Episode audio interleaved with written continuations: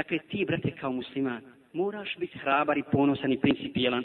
Da li to bilo u džihadu, u političkoj borbi, u bilo kakvoj drugoj borbi i načinu i metodu borbe za Allahu istinu. Nemoj ti glasa za homoseksualizam. Nemoj glasa za prostituciju, pa nek ona prođe. Nek ona prođe, nek se zna koji to civilizacijski krug ne glasa protiv toga. Ko se to bori protiv zla, a ko se bori protiv Allahove istine? I zar se može očekivati, braćo, pobjeda bez žrtve, bez ustrajnosti na putu Islama, na putu istine? Pobjeda ne dolazi sama od sebe. Ona je pratilac iskrenih vjernika, hrabrih, principijelnih, ali i mudrih, pametnih, kulturnih, strpljivih i odvažnih. Zar se drugačije može biti uzor i zar se drugačije može postići autoritet? autoritet se ne može nametnuti. Bez obzira koliko neko obmanjivao svijet, a autoritet se ne nameće, nego se stiče. Često puta je govorio Rahmetli Husein Efendija Džozo i zaista je bio u pravu. Zašto strah i popuštanje ako znaš da govoriš istinu? Zašto strah i popuštanje ako znaš da si na istini? Je li to strah od smrti?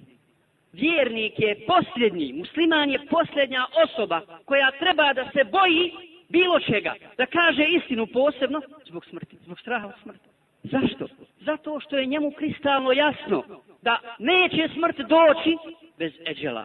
A Allah je odredio rok.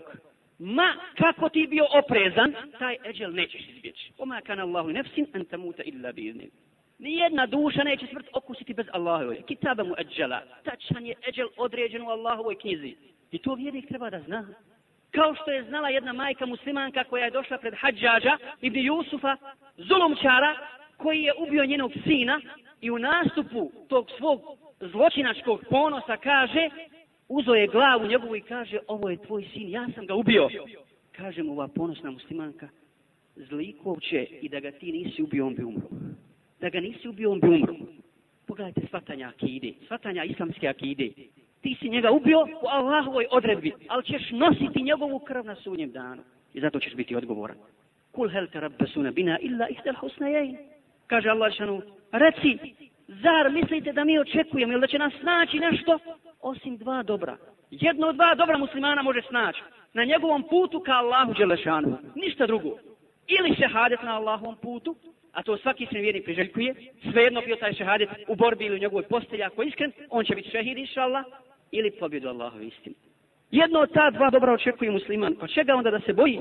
Međutim, Omer radi Allah također kaže i čudi se, čudim se nedostatku samopouzdanja kod vjernika i čudim se hrabrosti i odlučnosti kod nevjernika.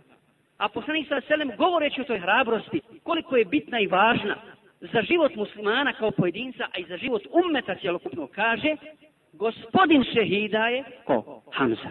Ali nije završio na tome, poslanik sa selem. Ko još? I čovjek koji ode pred vladara zulumčara i naredi mu dobro i zabrani zlo, pa je dakle, kaže mu istinu u oči, pa bude ubijen. I tako će se do sudnjeg dana. To je istinski gospodin i šehid kod Allaha subhanahu wa ta'ala. I ne zaboravimo braću jednu poruku koja je zaista velika istinita. Hrabar čovjek je uvažavan, da ne kažem omiljen, uvažavan i u neprijateljskom taboru. A kukavica je prezren i kod rođene majke. Draga braćo, nedostatak hrabrosti, odnosno kukavičluk, povlači za sobom i druge loše osobine. Laž, prevaru, izdaju, potvoru muslimana, napad na čast muslimana i tako dalje. Zato kaže poslani sallallahu sallam, dvije najgore osobine koje čovjek može kod sebe sakupiti i imati jesu nezasitna pohlepa i kukavičluk.